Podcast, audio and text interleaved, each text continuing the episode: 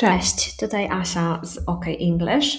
E, dzisiaj będziemy sobie rozmawiać na temat bezokolicznika w e, angielskich zdaniach.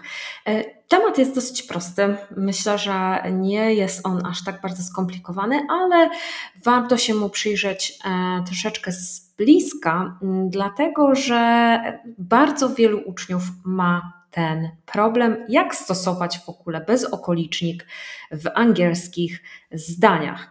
E, dzisiaj właśnie będzie o tym, podam Ci parę przykładów, pokażę Ci, mm, jak stosować go, w jakich momentach stosujemy bezokolicznik i dlaczego jest to tak ważne, aby wiedzieć, jak stosować bezokolicznik. Zapraszam Cię serdecznie.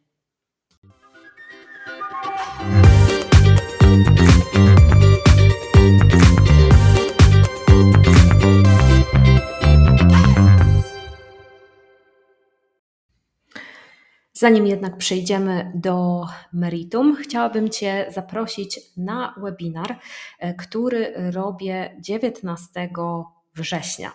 19 września wieczorem, e, o, chyba o godzinie 19. Niech sprawdzę zaraz.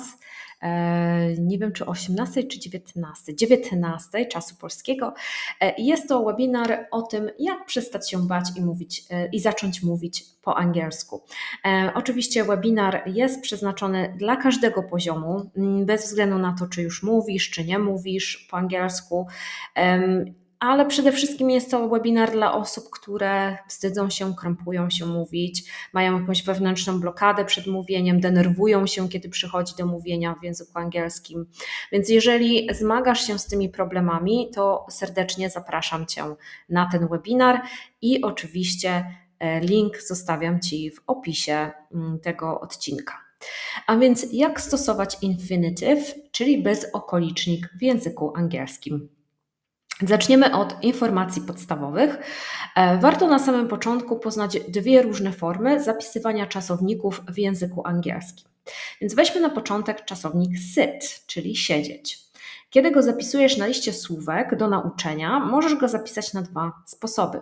Pierwszy sposób to po prostu sit, czyli samo słowo. Drugi sposób to to sit. Przed słowem sit wpisujemy to ty, o. E, I to słowo nam zawsze daje znać, że po nim stoi bezokolicznik. Pierwsza forma, samo sit, to forma, którą na pewno znasz. Najczęściej tak będziesz zapisywać czasowniki.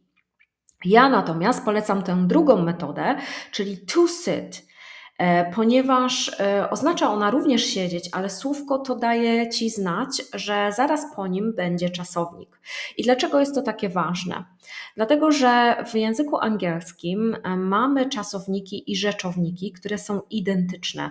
Na przykład shop. Jeżeli mamy słowo shop, to może ono oznaczać i sklep, i robić zakupy w zależności od kontekstu. Jeżeli więc wypisujemy sobie słówka ze zdania, to że przed rzeczownikiem warto postawić e, czyli e-shop, co będzie oznaczało, że jest to sklep, czyli rzeczownik. Jeżeli damy to, czyli to shop, będzie to oznaczało robić zakupy. Dzięki stojącemu to przed wyrazem od razu wiem, że jest to czasownik. Pamiętaj jednak, że w pełnym zdaniu to może, ale nie musi zniknąć i do tego czasownika dodajemy czasami końcówki, w zależności od tego, jakiego czasu używamy. Czyli na przykład, jeżeli powiem, że lubię robić zakupy, to powiem I like shopping. No i jak stosujemy bezokolicznik w, angielskim, w angielskich zdaniach? Infinitive, czyli bezokolicznik, ma w angielskim naprawdę wiele zastosowań. Oto ten najważniejsze. Pierwsze zastosowanie to cel czynności. Mówimy, po co coś robimy. Robię to po to, aby. Twoje po to, aby jest samym słowem to, po którym występuje bezokolicznik. Czyli na przykład I do this to impress her, czyli robię to, aby jej zaimponować. I walked there to tell him I loved him. Poszłam tam, aby powiedzieć mu, że go kocham. I walked there to tell him I loved him. Bezokolicznik może być też podmiotem w zdaniu. Takie zdania możemy tłumaczyć tak jak w języku polskim, czyli Twoim podmiotem jest bezokolicznik. Na przykład, to love her is the best thing in the world, czyli kochać ją to najlepsza rzecz na świecie. To love na samym początku zdania jest bezokolicznikiem, ale także podmiotem tego zdania. To love her is the best thing in the world. Kolejny przypadek to stawiamy go po przymiotnikach. Możemy użyć bezokolicznika w języku angielskim, kiedy chcemy ocenić jakąś czynność. Czyli it was great to give him more money. Danie mu pieniędzy było super. To give to czynność, którą wykonaliśmy, którą oceniliśmy jako great, czyli jako świetną. It was great to give him more money. Kolejny przykład. It's good to talk about your problems. Czyli znowu good, e, przepraszam, to talk to czynność, którą wykonaliśmy i którą oceniliśmy jako good, czyli dobrą. It's good to talk about your problem. Jest dobrze mówić o Twoich problemach. Kolejny przypadek to z przysłówkami to i enough. Kiedy mówimy, że czegoś jest za mało, za dużo, albo coś, aby coś zrobić. Na przykład, I had too many problems to deal with this right now. Mam za dużo problemów, aby z tym sobie radzić. I had too, I have too many problems to deal with this right now.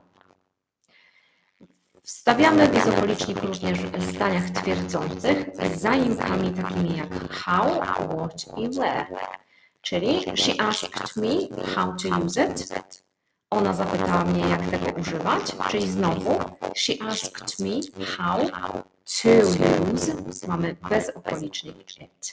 She asked me how to use it. He didn't know what to do about it. On nie wiedział, co z tym zrobić. Czyli znowu, he didn't know what to do. Mamy bezokolicznik about it. No i e, ostatni e, przypadek to stawiamy bezokolicznik po czasownikach modalnych, czyli po większości czasowników modalnych stawiamy bez to. Na przykład I can't swim, he should go, you must do.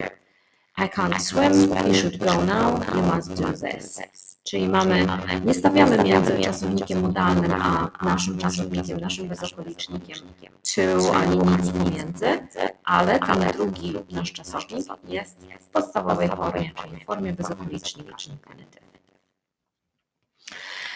Bardzo ważną kwestią jest pamiętanie o różnicy między gerund a infinitive. Gerund to jest forma czasownika z in a infinitive to jest właśnie bezokolicznik. Czasami jest tak, że możemy użyć obu wersji i obie wersje są poprawne. Na przykład po czasowniku like. I like to swim. I like to swim. Czyli lubię pływać. Lub I like swimming. Lubię pływanie ale co też można tłumaczyć jako lubię pływać. Czyli, czyli oba, oba przypadki i czasownik NG jest, jest poprawny. I like swimming. I bezokolicznik również poprawny. I like to swim. Um, polecam zajrzeć Ci do, na mój blog do, do tego, do, do postu, który jest poświęcony bezokolicznikom, ale też poświęcony jest jak, jak, tematowi, jak używać wyrażeń w języku angielskim. Jest to bardzo, bardzo post, jest tam, jest też wideo, myślę, że się, że się na pewno przyda.